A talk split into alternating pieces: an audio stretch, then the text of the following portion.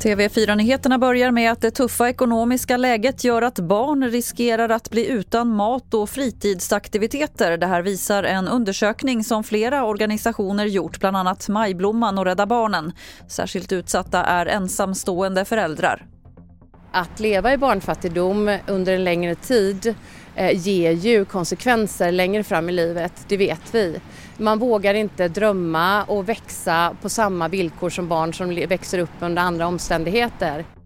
Det sa Åse Henell som är generalsekreterare på Majblommans riksförbund.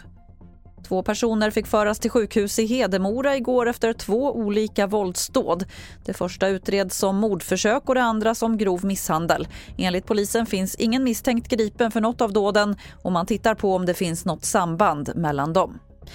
Fiskefusket i Östersjön är utbrett och det är ett brott som lönar sig. Det här skriver stiftelsen Baltic Waters 2030 på DN Debatt idag. Det handlar bland annat om att fångster felrapporteras och om man åker dit får man bara några tusen kronor i böter. Nu vill stiftelsen se politiska åtgärder för att komma till rätta med problemen. Fler nyheter hittar du på tv4.se. Jag heter Lotta Wall.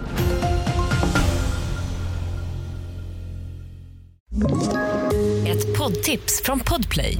I fallen jag aldrig glömmer djupdyker Hasse Aro i arbetet bakom några av Sveriges mest uppseendeväckande brottsutredningar.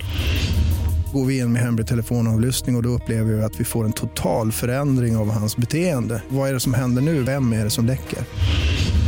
Och så säger han att jag är kriminell, jag har varit kriminell i hela mitt liv men att mörda ett barn, där går min gräns.